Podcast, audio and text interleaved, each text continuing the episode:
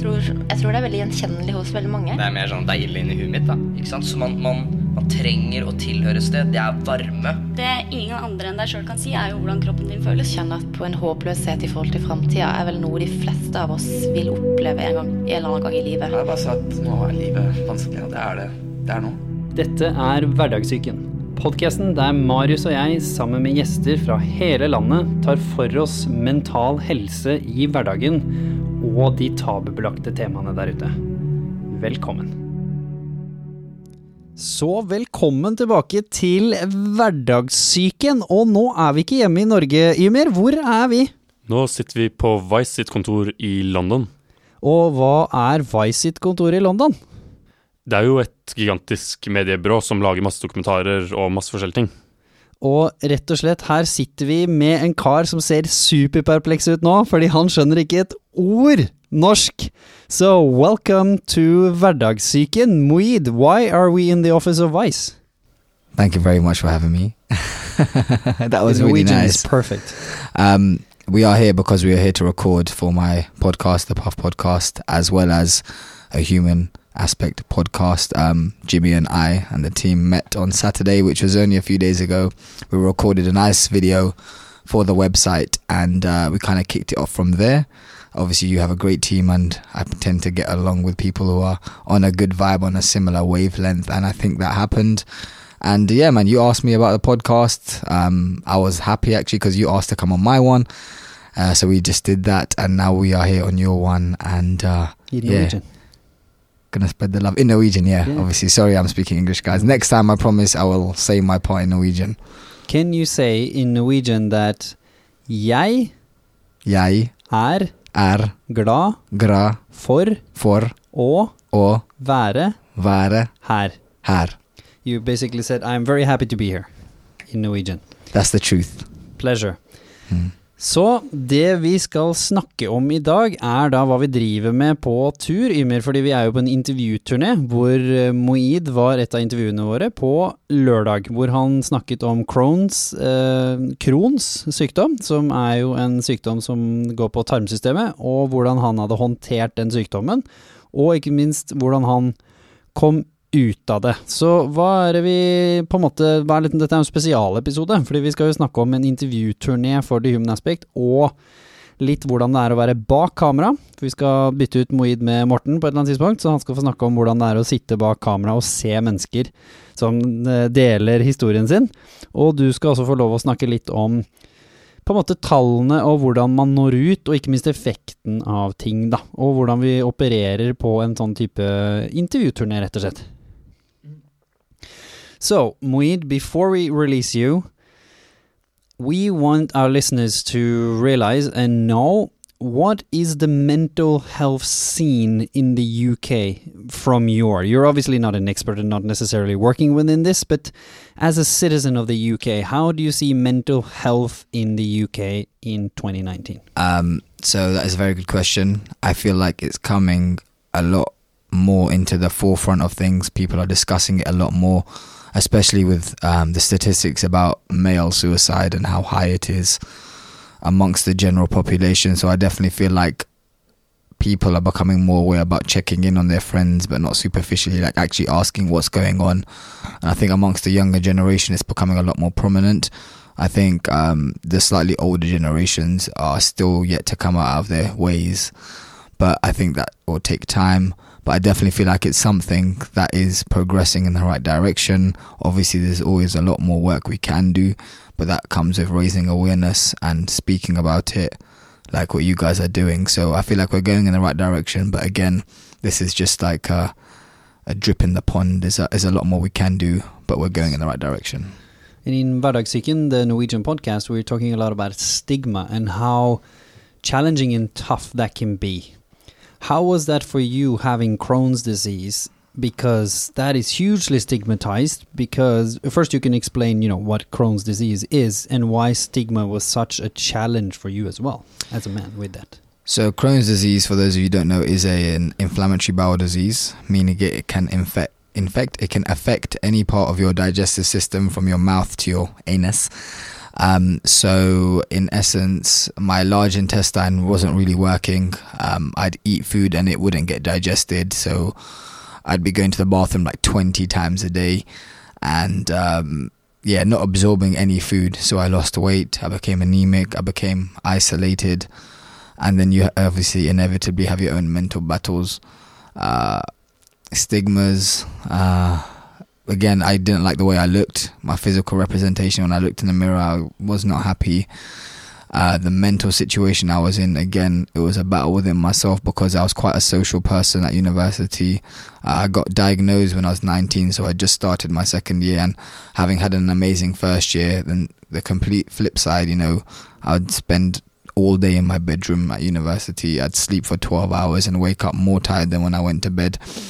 So it was very something very difficult to come to terms with, especially at that age. You know, when you're meant to be free and spread your wings and find your direction in life.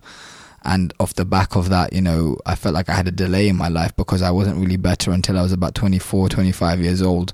So all of my friends from school had like made something of themselves, were on the in the right direction to get to where they wanted to be, and I wasn't. So coming to terms with the fact that everyone is on their own path, on their own journey, and as soon as you appreciate and accept the position you're in, you're able to take the necessary steps to move forward. And I feel like that's the position I'm in right now. And why didn't you share with the people around you how you were dealing and how you were feeling, and also, you know, the context of this disease? What, what, you know, how did stigma realm your kingdom?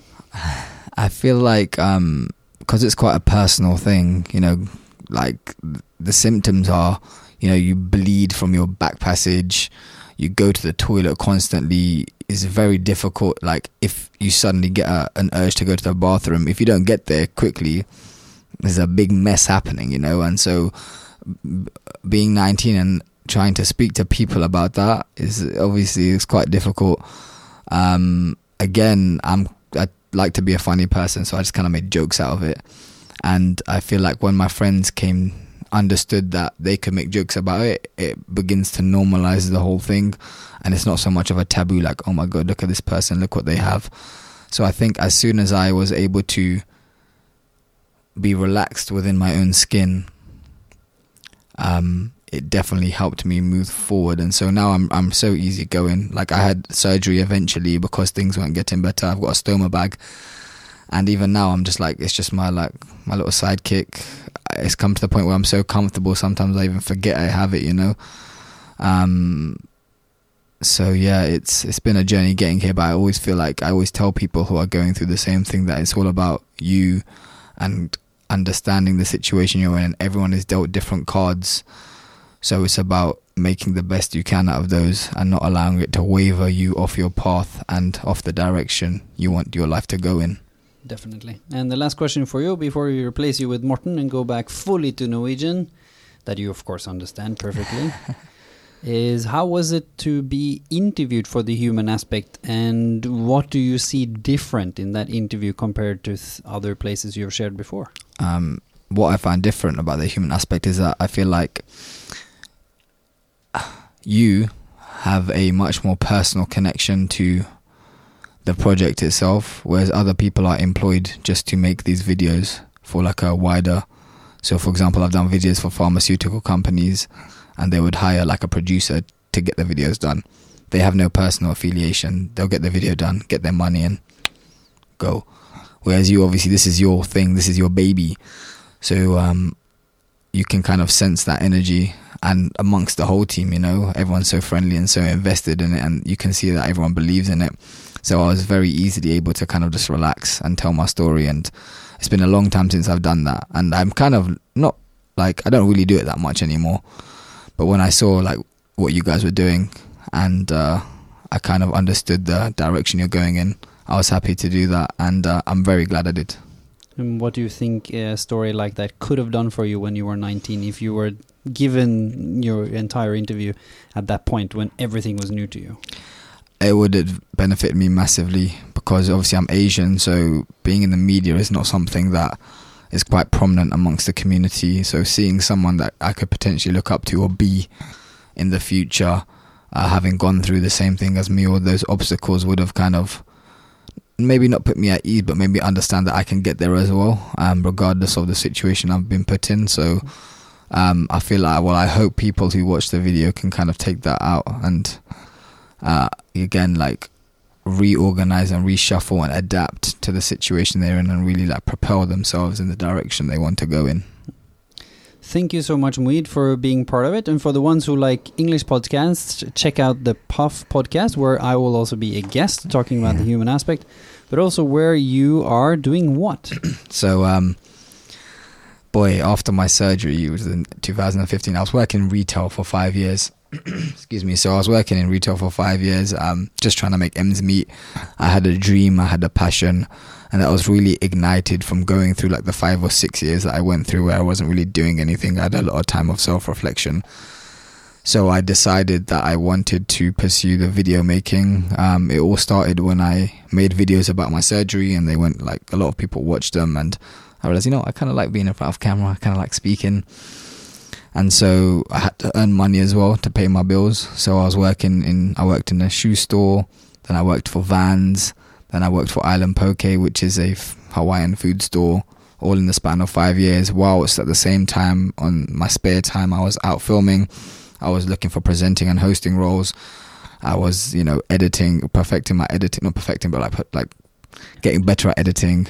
Uh, you know, radio, everything. You know, to try and get myself in a position where if an opportunity arose, I'd be able to like offer the best of myself. And here we are, man, sitting in the Vice Studios. I've managed to, you know, it's kind of surreal even thinking about it. Like how, like in August, I was selling raw fish to people, and now, you know, I'm I'm I'm a step in the right direction to kind of fulfilling the direction I want to go in, man. So I'm I'm I'm I'm happy to be here. I'm grateful, but um, this is just like the beginning of the next phase. And the Puff podcast is about.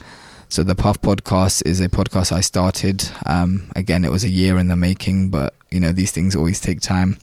I started recording in August, and it basically on this journey, you know, this media journey, same as you on these journeys, you meet lots of people, lots of humans who are doing an amazing thing or amazing things, but on the social media and the presence they give, you can only ever see the positive things. So I wanted to add a more human element, a human aspect to them. Um, I wanted to, uh, for them to speak about the situations where they may not have been able to, or they may not have sh- shared on social media. So I speak to like quite successful musicians or YouTubers about the times they were depressed or about the times where they doubted themselves or people told them to quit.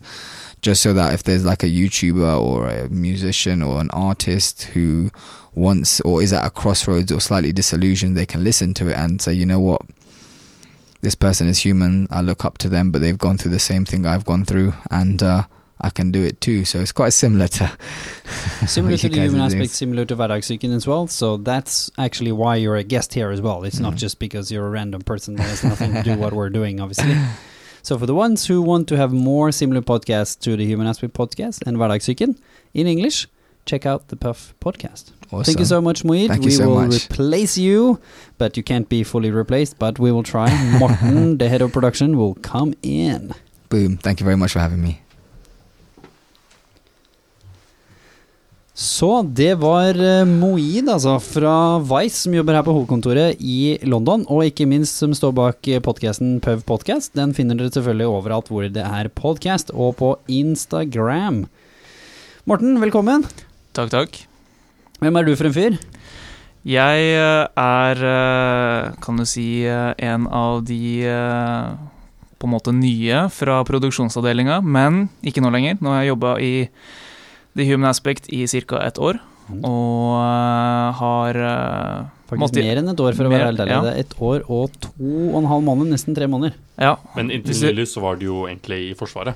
Det stemmer. Jeg eh, var i Forsvaret fra, i førstegangstjeneste fra april i år eh, fram til slutten av oktober, da eh, jeg klarte på magisk vis å eh, få et jobbtilbud av eh, min gode venn på høyre flanke her. Human Aspect. Mm. Mhm. Og rett og slett måtte si opp Si opp Forsvaret. si opp Forsvaret og komme meg vekk derifra. Og nå er jeg her og fikk være head of production og bli med på denne fantastiske turen som vi skal by oss ut på. Og Ymir, hvem er nå du da til de folka som ikke veit hvem du er? Uh, jeg jobber med markedsføring for The Human Aspect, uh, blant masse andre prosjekter. Jobber også veldig mye frilans med Facebook-annonser. Mhm. Og alt som har med digital markedsføring å gjøre, og alt som er interessant da, markedsføringsmessig. Du er jo en av de erfarne flokken i The Human Aspect. Du har jo toårsjubileum eh, nå rett rundt hjørnet bak oss her. Mm. Så de tingene vi skal snakke om i dag, vi skal snakke om både hva vi driver med nå på denne intervjuturneen, og, og hva vi har sett av mental helse også i andre land, nå da først og fremst England, så jeg skal snakke litt om det. Men før det så vil jeg gjerne høre med deg, Morten. Du har nå da filma en hel haug med intervjuer hvor du da har sittet og sett bak kamera, stille og rolig. Du har fått oppleve hvordan det er for mennesker som virkelig åpner seg om noe av det tøffeste de noen gang har opplevd, og ikke minst få sett en hel haug med råd. Men du har også fått sett en, ting, en del ting som veldig mange av de som ser videoene, ikke ser. Og det er hvordan personen er når de kommer inn, og hvordan personen er når de går ut, og hva de sier etter et intervju, f.eks.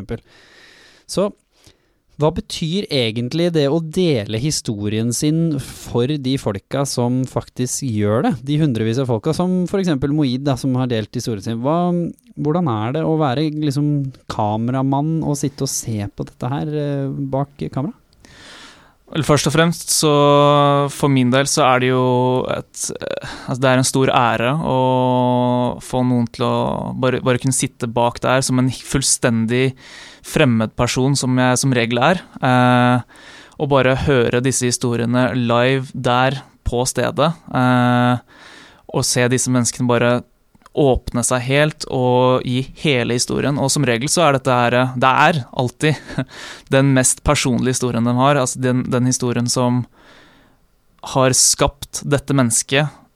Og det er utrolig sterkt. Det gir ekstremt mange inntrykk. Men det er også Det er også noen ganger vanskelig å kunne føle at du kan gi den samme respekten tilbake. Altså det, det er, du er jo et menneske som sitter bak der. Noen ganger så må du flytte litt på deg. Du må, eh, du må jo drikke underveis, f.eks. Det, er- det er småting. Og så bare det å vise at du, du følger med, eh, men likevel være usynlig, kan være utfordringer. Eh, så er det noe med det å kunne gi en tilbakemelding når du er ferdig også, og, og etter intervjuet. Og da er det ofte som regel sånn at jeg føler at jeg kjenner personen veldig godt, men den personen kjenner jo ikke meg i det hele tatt. For jeg har bare vært en usynlig figur i bakgrunnen. Um, men jeg syns generelt det er ekstremt uh, Et ekstremt stort privilegium å kunne få høre disse historiene. Og hva, hvordan er de etterpå, da? For når de kommer inn, så er de gjerne litt sånn litt sånn sjenert. De, de fleste aner jo ikke hvem verken vi er, eller jeg er, eller noen som helst. Og så selvfølgelig forklarer man jo prosjektet, og de har gjerne fått en forklaring, eller blitt anbefalt av noen å komme til oss. Men etterpå, da er det litt annerledes. Som regel når de kommer inn, så, så merker du jo det selvfølgelig at de er, litt, de, de er kanskje litt usikre på hva dette er for noe, egentlig. Eh, noen har jo sett mange av videoene våre før og vet hva det går ut på, de tre delene som eh, intervjuene, alle, alle intervjuene er strukturert etter, osv., og, og har liksom en idé om hvordan dette fungerer. Og noen eh, blir nesten tatt litt på sparket inn og eh, lurer litt på, stiller ofte spørsmål bare hva er det, hva slags spørsmål kommer jeg til å få, og da pleier jeg f.eks. å si at nei, det er de tre spørsmålene. Tøffest utfordring, hvordan du overkom det, hva du har lært. Eh, men når de er ferdig, så virker det som om de har full forståelse for hva som foregikk. Eh, at de, de er fullstendig overbevist om at de har fått åpnet seg fullstendig. Og eh, noen er jo selvfølgelig litt eh, misfornøyd med at de kanskje ikke fikk sagt alt det de ville, men det er jo naturlig. Du, man har mange tanker i hodet sitt. Men mange sier at det har vært som å være i en terapitime. At det har vært som å være de, de fikk virkelig fram de gamle eh, følelsene de hadde før. Eh, gått rett, rett og slett tilbake i tid, til en tid i livet sitt der de var på sitt laveste. Og det, det kommer fram i mange intervjuer rent visuelt, at mange tar til tårene, rett og slett. eh, og syns det er veldig sterkt å tenke på. Um, og mange syns at den siste delen, eh, hva du har lært, er kanskje den delen som eh, gir dem det beste i løpet av den dagen. For da, da får de virkelig reflektert og satt ord på de tingene som de føler de har lært, og de føler virkelig etterpå at de har faktisk overkommet det de hadde som utfordring. Mm, det som er litt fascinerende, at det er jo, vi har jo sett statistikk, så er det jo rundt 5% bare som har stilt seg selv det spørsmålet noen gang, hva har du lært? Og det er jo litt fascinerende. Og Ymir, du sitter jo faktisk på den ærefulle oppdraget av å faktisk å behandle hver eneste historie og prøve å få den til å nå ut til flest mulig mennesker. Vi har jo Katrin og Relations Department som, som, som deler denne historien med liksom veldig spesifikke relevante grupper og organisasjoner. Men du står jo da bak det som skal få dette her til å ta av, da. Sånn som for så vidt både Hverdagssyken og The Human Aspect intervjuene har gjort nå. Vi har jo nådd over 20 millioner mennesker bare siden juni. Så hvordan er det for deg å liksom håndtere et sånt uh, produkt som det her? Fordi du jobber jo også med markedsføring med mer vanlige ting, da. Selge mm. ting og sånn. Det er jo noe helt annerledes. Um, nettopp for at vi prøver jo faktisk ikke å selge noe som helst. Hele tjenesten er gratis, og alt er liksom på en måte fint, da. Um, men det betyr ikke at man ikke på en måte støter på utfordringer når man pusher der. Um, rett og slett fordi at innholdet vårt er på veldig mange måter så sterkt og noe så annerledes at uh, man får problemer på forskjellige plattformer. Så det er mye forskjellig da, som man må gjøre for å passe på at innholdet også justeres til plattformen. Og det er derfor vi lager sånne korte trailere eh, til det fulle intervjuet som gir et godt bilde, og som da potensielt skal trigge inn en person som virkelig trenger da, å se det fulle intervjuet. Og du er jo kanskje kjent for å være en, eh, en fyr som ikke nødvendigvis, eh, hva skal vi si, er den mest eh, utagerende figuren i teamet. Så hvordan er det for deg å på en måte jobbe med et så dypt emosjonelt tema? Fordi vi som kjenner deg, vi vet jo også at du er jo ikke her bare tilfeldig for å lære om markedsføring, du heller. Du er jo her fordi du også vet og skjønner at dette er noe som verden trenger. Både hverdagssyken og the human aspect. Så hvordan er det for deg å liksom håndtere så, ja, så flotte, men også tøffe og sterke historier, som Morten sier, da? Nei, altså For meg så er det jo veldig interessant, da, fordi jeg startet å jobbe for The Human Aspect for uh, cirka, Ja, litt over to år siden. Og for meg så var liksom den triggen som jeg sa at ok, det her kan faktisk være interessant, er det at uh, man lærer nesten aldri måte, av sine egne erfaringer. Man lærer jo egentlig av andre mennesker. Enten det er en lærer eller en rollefigur som du har i livet ditt. Um, så alt som gjør kunnskap mer tilgjengelig, og spesielt om ting som folk ikke tør å snakke om med nær familie, venner, sånn type ting, um, har jo da potensial til å være en veldig stor verdiskapende ting. Uh, men det som traff meg veldig personlig, er at uh, siden jeg begynte å jobbe i Human Aspect, så har plutselig folk på grunn av det liksom uh, følt at jeg var en tiltroende person, da. Og så har de plutselig fortalt at shit, jeg sliter faktisk med det her. Um, som har vært veldig sånn oi, shit, det hadde jeg faktisk ikke gjetta. Og at man må ta et nytt perspektiv, da. Ja.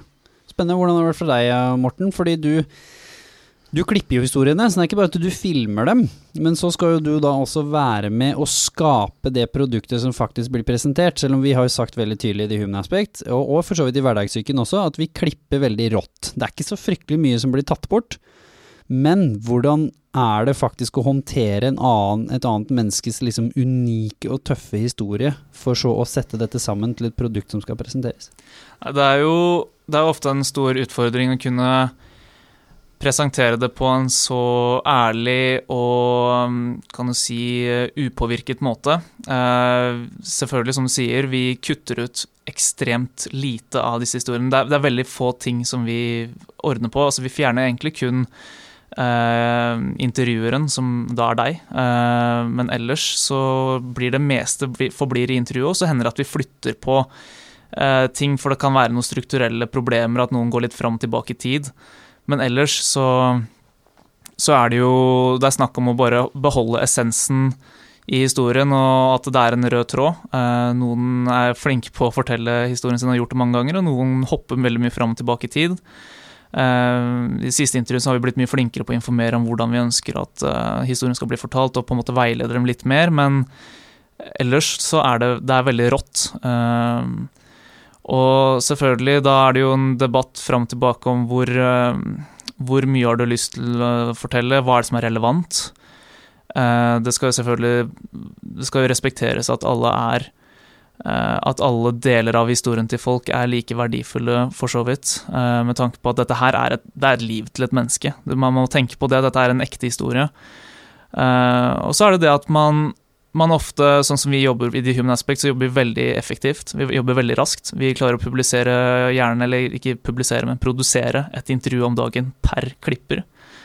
Eh, som er helt vanvittig raskt, eh, med tanke på at disse er kanskje over en time lange, disse Altså, intervjuene. Jeg vil tippe at det ikke er noen produksjonsselskaper altså i Norge som produserer så mye innhold som det vi gjør. Nei, Det er nok riktig, det. Det- sånn at ikke man heter VG ja. eller Skipstedt eller noe sånt. De jobber jo litt flere, men per person, absolutt. Mm. Men det som jeg tenker da, er at noen ganger så er det lett å bli eh, opptatt av å, å få det fort ferdig, og at man bare rusher igjennom. Eh, så da, det kan ofte skje at hvis, hvis du ikke connecter fullt med historien selv, og det er så utrolig viktig det arbeidet vi gjør, at vi virkelig lever oss inn i historiene. Og mange av historiene er veldig gode å leve seg inn i. Du blir virkelig sittende og se på. Um, og noen ganger så rusher du igjennom, og så blir det litt sånn småfeil her og der og sånne ting. Uh, jeg har som vanlig praksis, i hvert fall, at hvis det er et intervju jeg har filmet selv, og kan og kjenner historien inn og ut av, så pleier jeg å spille av på dobbel hastighet når jeg skal gjennom intervjuer en rough cut.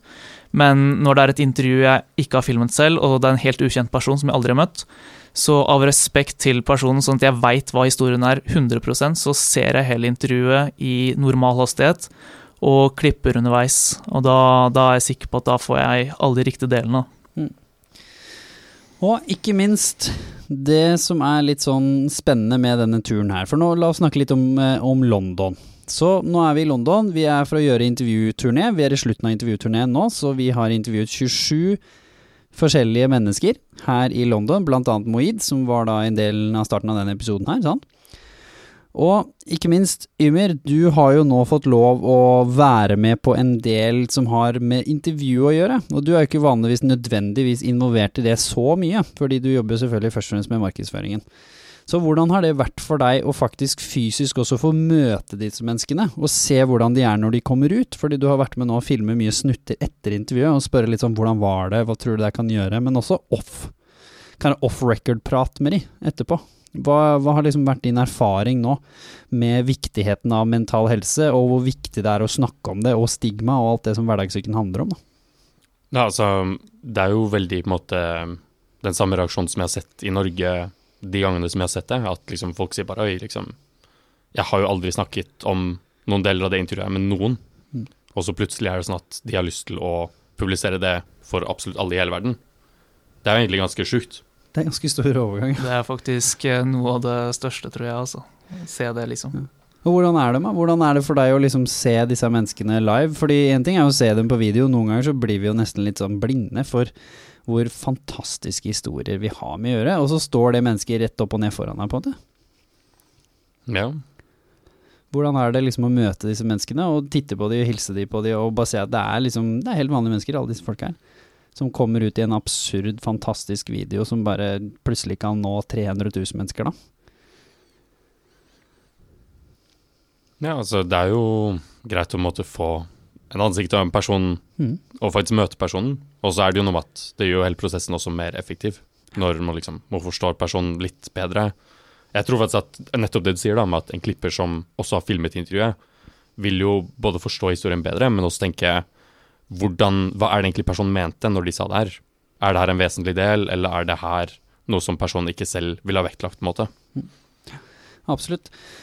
Og vi gjør andre ting også. I dag, Morten, så var du med på noe som du var med på for første gang. Eh, sånn jeg var og holdt et foredrag om da mental helse på arbeidsplassen. Det har også vært en av episodene på Hverdagsuken, som har vært et veldig viktig tema, hvor vi da selvfølgelig også hadde med oss Katrin og Odette fra vårt eget team. Så du fikk lov å sitte i bakgrunnen og oppleve hvordan dette ble tatt imot, men også hva folk sa etterpå.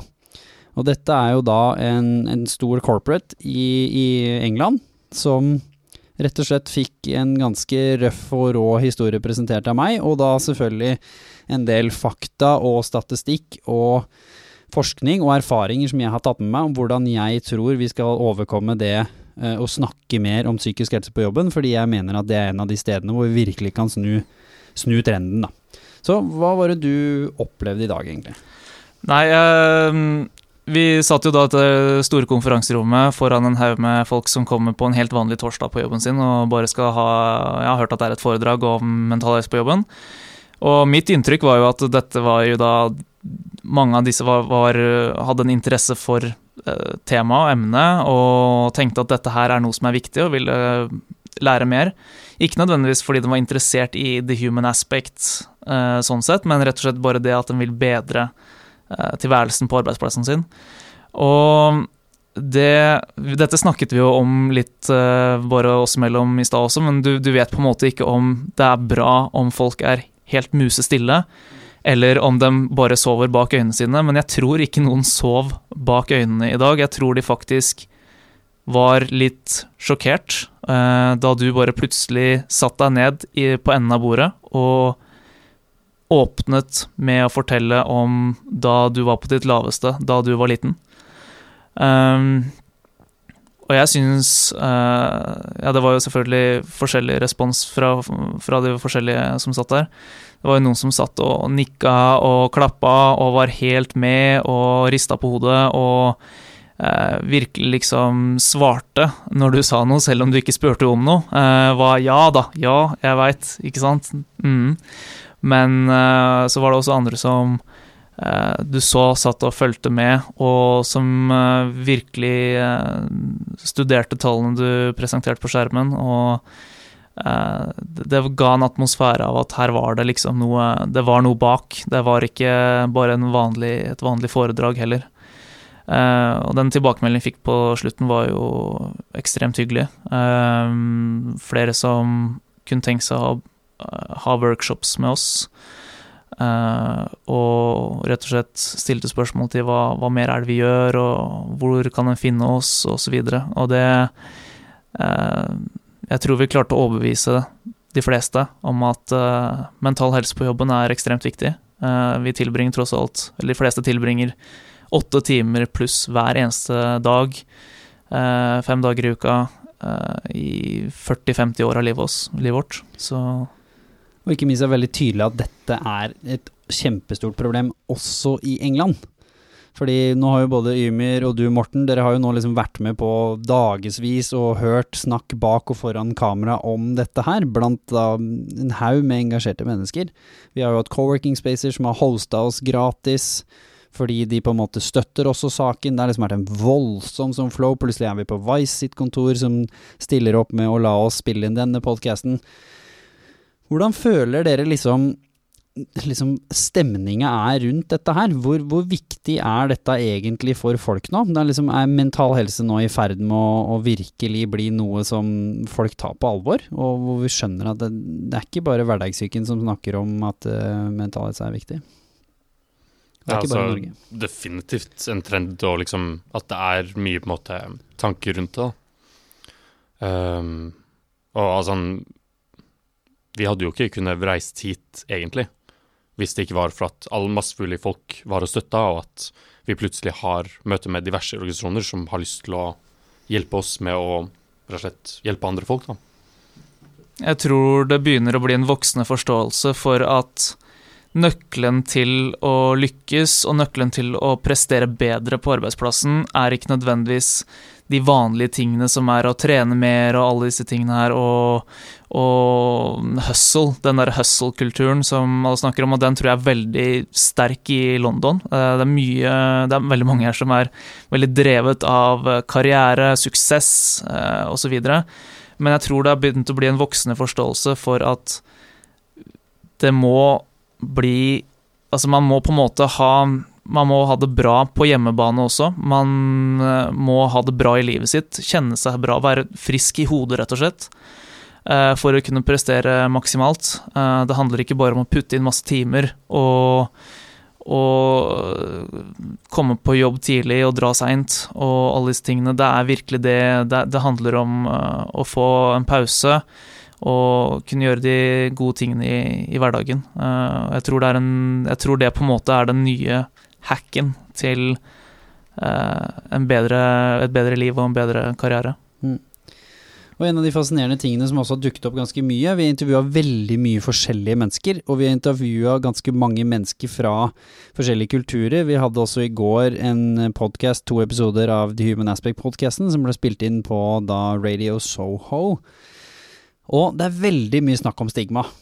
Du har folk som kommer fra kulturer hvor de snakker om 'dette snakker vi ikke om'. Du har folk som kommer fra prestasjonskulturen hvor vi var en big corporate hvor de sier 'der snakker vi ikke om det'. Det er folk som selvfølgelig er unge og sier 'vi snakker ikke om det fordi vi er prestasjon eller generasjon prestasjon'. Det virker som om liksom stigmaen er Det er akkurat som en, det er som en sopp, på en måte. Den er overalt. Og det virker som den skaper en sånn enorm hindring for at vi mennesker skal klare å komme oss videre. Og ikke minst så dukker det opp også noe veldig spennende her overalt, og det er at de fleste sier seg veldig enig i to ting. Det må inn på jobben, og det må inn på skolen. Hvis vi virkelig hadde lært kidsa våre det her, da begynner vi å snakke.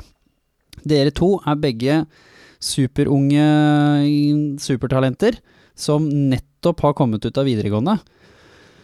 Hva tenker dere når dere på en måte hører oss snakke om det her og er engasjert, og liksom når dere ser tilbake på da dere nettopp har kommet ut av, dere er jo generasjon prestasjon så det junger etter, hvor viktig tror dere det hadde vært å lært om det her på skolen? Hvordan kunne dere på en måte håndtert, eh, og alle vennene deres, da, kan dere håndtert hverdagen mye bedre enn det dere har fått muligheten til, og noen av dere rundt har fått muligheten til, da, på mangel på kunnskap, rett og slett? Det her har vi snakka mye om, eh, Ymir vi to oss imellom? Ja, altså Det er noe med um, på den mindseten da, til folk om at de Det er som at man på en måte er stuck i at man må tenke over den prestasjonen man skal få til, istedenfor at man kan måtte, ta en pause fra hodet sitt. OK, det her er det som jeg skal gjøre. Så gjør du den oppgaven, og så er det greit, på en måte. Men det er, liksom, det er så liksom supermye stress rundt det, og så går folk rundt og stresser på noe som de egentlig bare kan gjøre, på en måte. Og hvis de kunne disconnecta og kobla fra, og så bare tatt den roen da, til å faktisk gjøre oppgaven, så hadde de jo ikke stressa. Hvis de hadde unlocka seg selv, da. De fleste vet vel ikke engang hva stress er. Du vet jo ikke hvorfor de føler seg nede, hvorfor de føler seg deprimert. De vet vel strengt tatt kanskje ikke hva depresjon er engang, for det nærmeste de har fått med seg om det, er en, en blogg som egentlig bare beskriver noe de egentlig ikke skjønner. Fordi man har jo ikke lært Du har jo studert psykologi, Ymer. Altså, og det er jo et luksus som kommer på videregående for noen ytterst få som velger det. Men de fleste som går på ungdomsskolen f.eks., du kan jo ikke noen ting om det her hvis du ikke har lært det hjemme. Det er jo litt sånn at man eh, Det er jo mange følelser som man får som, som ungdom som er helt vanlig å få. Uh, man bryr seg natu Av naturlig årsak så bryr man seg om å passe inn, det er bare sånn vi er bygd. Men det er ingen som forteller oss at det er en del av vår biologi. Det er en del av det som er å være menneske. Det er at du vil passe inn. Og det, det er sånne ting som det er veldig lite av, tror jeg. Um, det er veldig lite forståelse av hvordan kroppen fungerer rent oppi hjernen. og det er jo ikke rart, fordi vi, vi, vet så utrolig lite om hvordan hjernen fungerer. Altså, vi, vi prøver å forske på oss selv, basically. Uh, men det begynner jo å komme mer og mer, og det er jo mange ting vi allerede vet, som likevel ikke kommer fram på skolen. Um, det at vi er så opphengt i tall, f.eks. Uh, vi, vi har jo tall på alt. Vi har tall på hvor bra vi gjør det på prøver, hvor mange følgere vi har på Instagram, hvor mange dager streak du har på Snapchat. Det, man blir jo helt gal i hodet av å tenke på disse tallene, for det er så utrolig lett å forholde seg til. Ja, absolutt, og det kunne vel kanskje vært greit å forholde seg litt mer til. Hvordan skal man håndtere stress, f.eks.? Hva er stress? Hvordan skal du håndtere å bli avvist av hun jenta du virkelig liker? Hvordan skal du håndtere å ikke komme inn på den videregående som du drømte om, eller førstevalget ditt, som er jo ganske vanlige ting å gå gjennom. Og når du sitter oppi det, så føler du at nei, det er bare meg som har det sånn, som vi også har snakka mye om på Hverdagssyken. Og nå som vi er eh, ute på tur, eh, så opplever jo vi også en del ting. Og det er at man bor sammen med folk man jobber med, sant. Og da opplever man jo også det å gå gjennom og snakke om ting utafor jobben, rundt jobben. Hvordan føler dere liksom det er å reise sammen eh, og jobbe med mental helse på den måten vi gjør nå? Hvordan, hvordan klarer dere å vente på en måte, eller å, vente, altså få ut? Fordi dere ser og opplever ganske mye tøffe ting dere også nå, når dere er involvert i dette her, til enhver tid.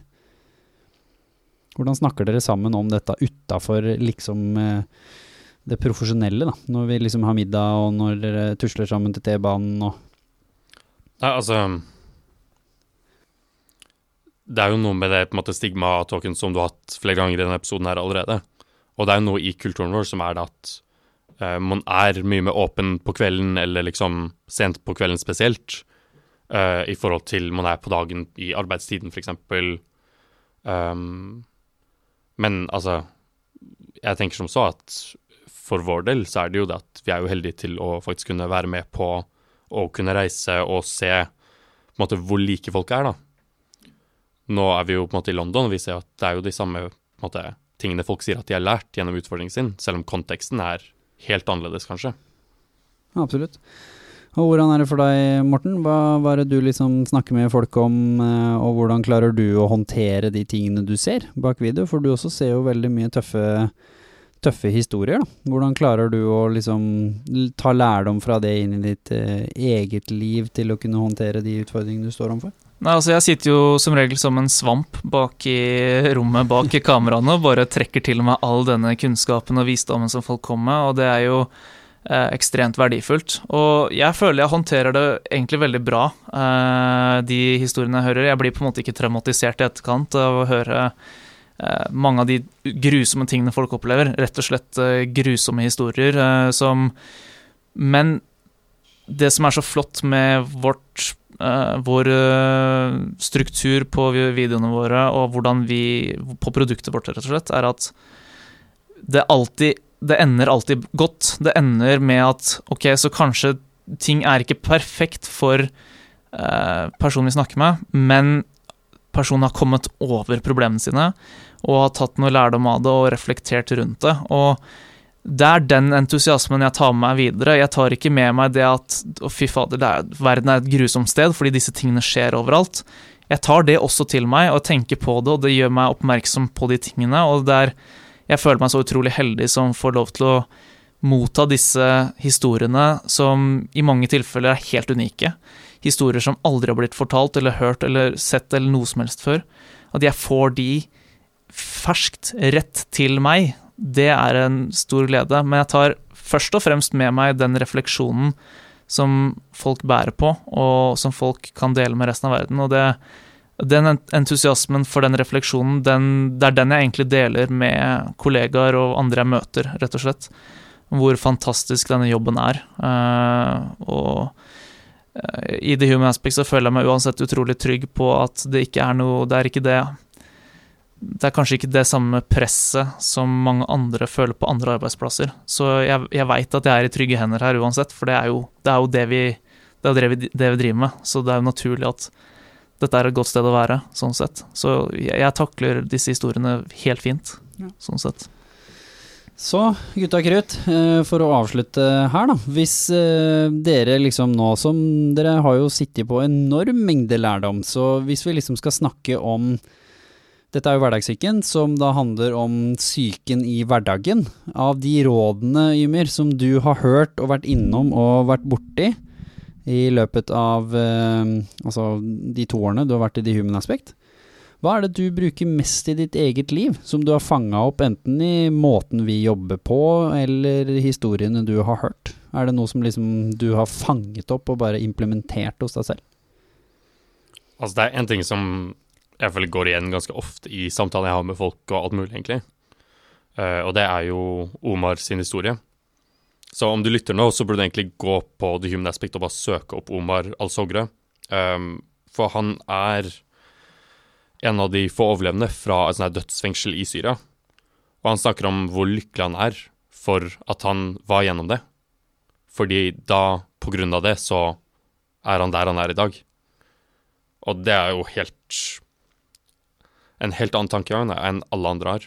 Folk tenker i Norge at jeg har det så forferdelig fordi at jeg må få det levert inn den oppgaven eller hva enn.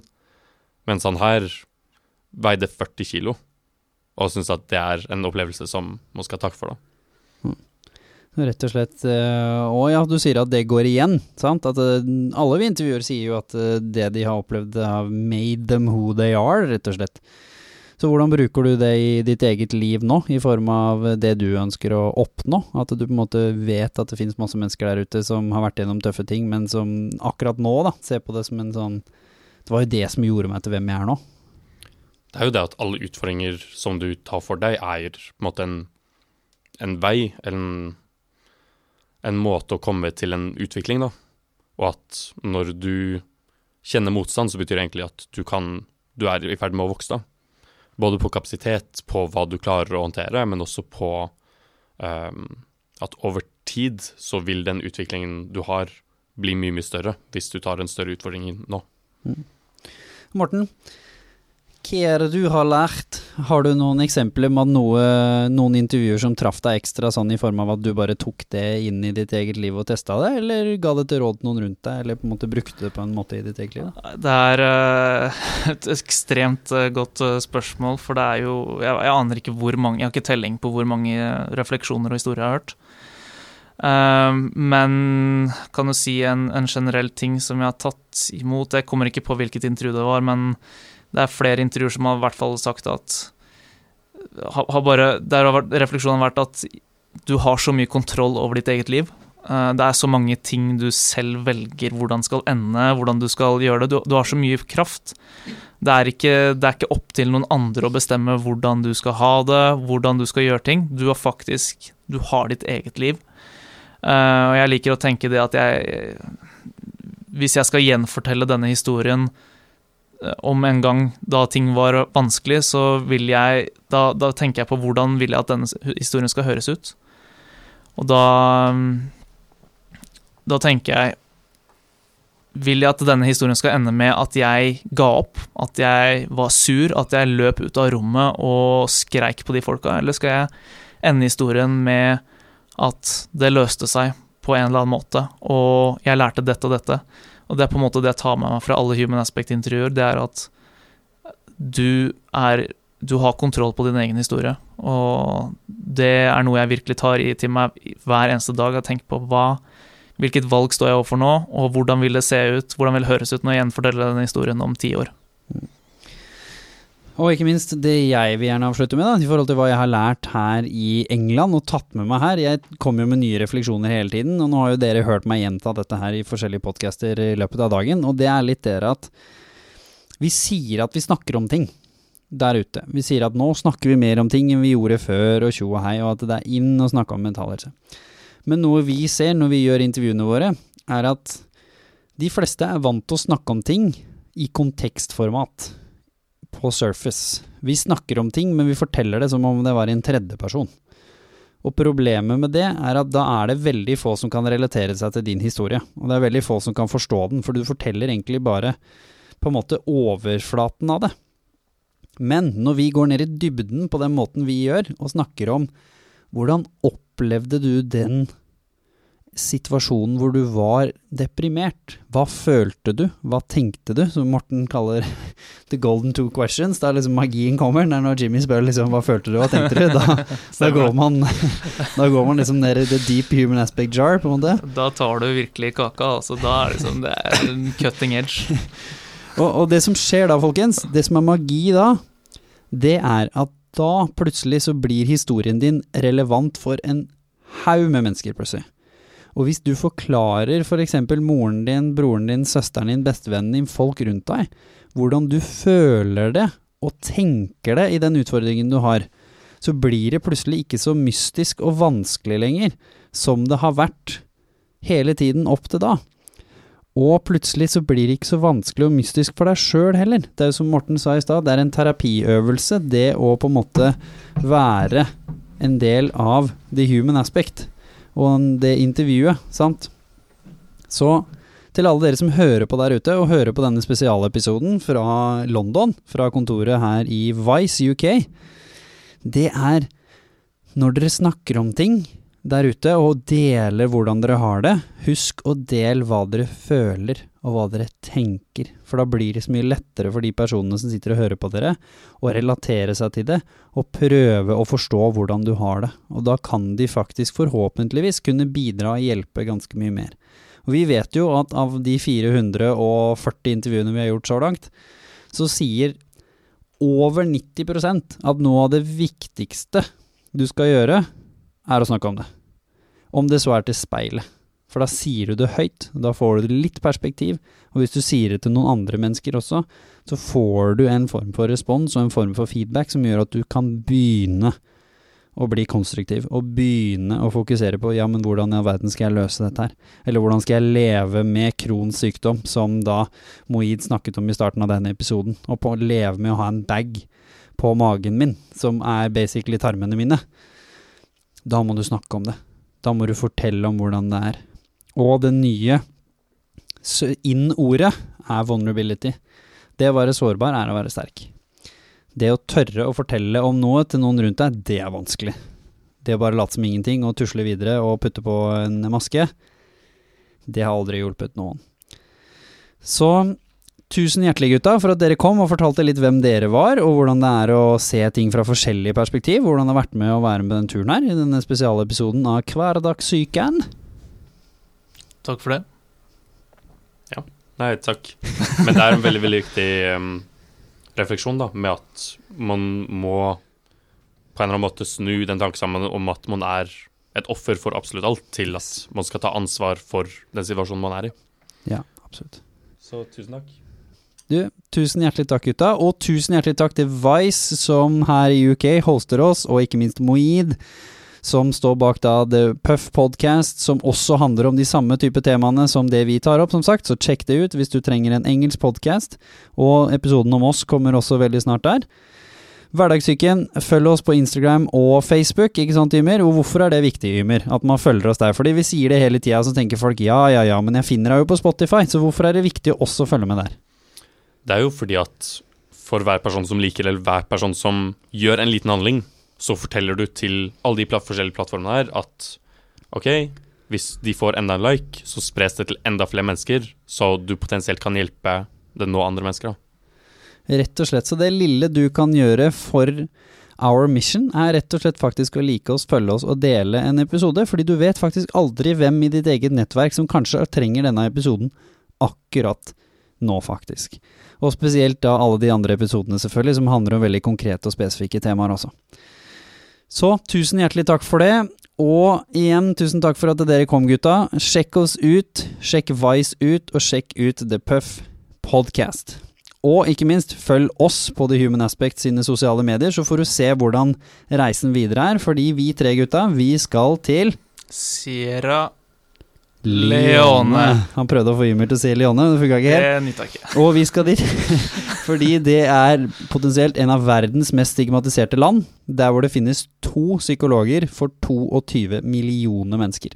Så vi skal ned dit og, og, intervjue folk, og prøve å intervjue de, og ikke minst lage en liten minidokumentar om hvordan det er, og hvordan de jobber med avstigmatisering og kunnskapsøkning i da et av de mest stigmatiserte landene i verden.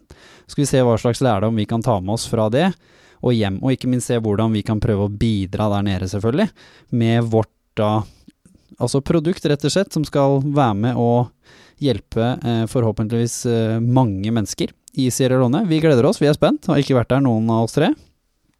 Så Tusen hjertelig takk for at dere lytta, folkens. Ta kontakt, si hva slags temaer dere vil, hva slags gjester dere vil ha. Engage og vær med. Dere er viktige for oss. Det er deres podkast. Vi lager jo ikke denne på moro. Vi lager den fordi at dere som hører på, skal få forhåpentligvis noe som øker litt glede og gir dere noe i hverdagen. Så Tusen hjertelig. Det var Hverdagssyken spesialepisode fra Vice i London.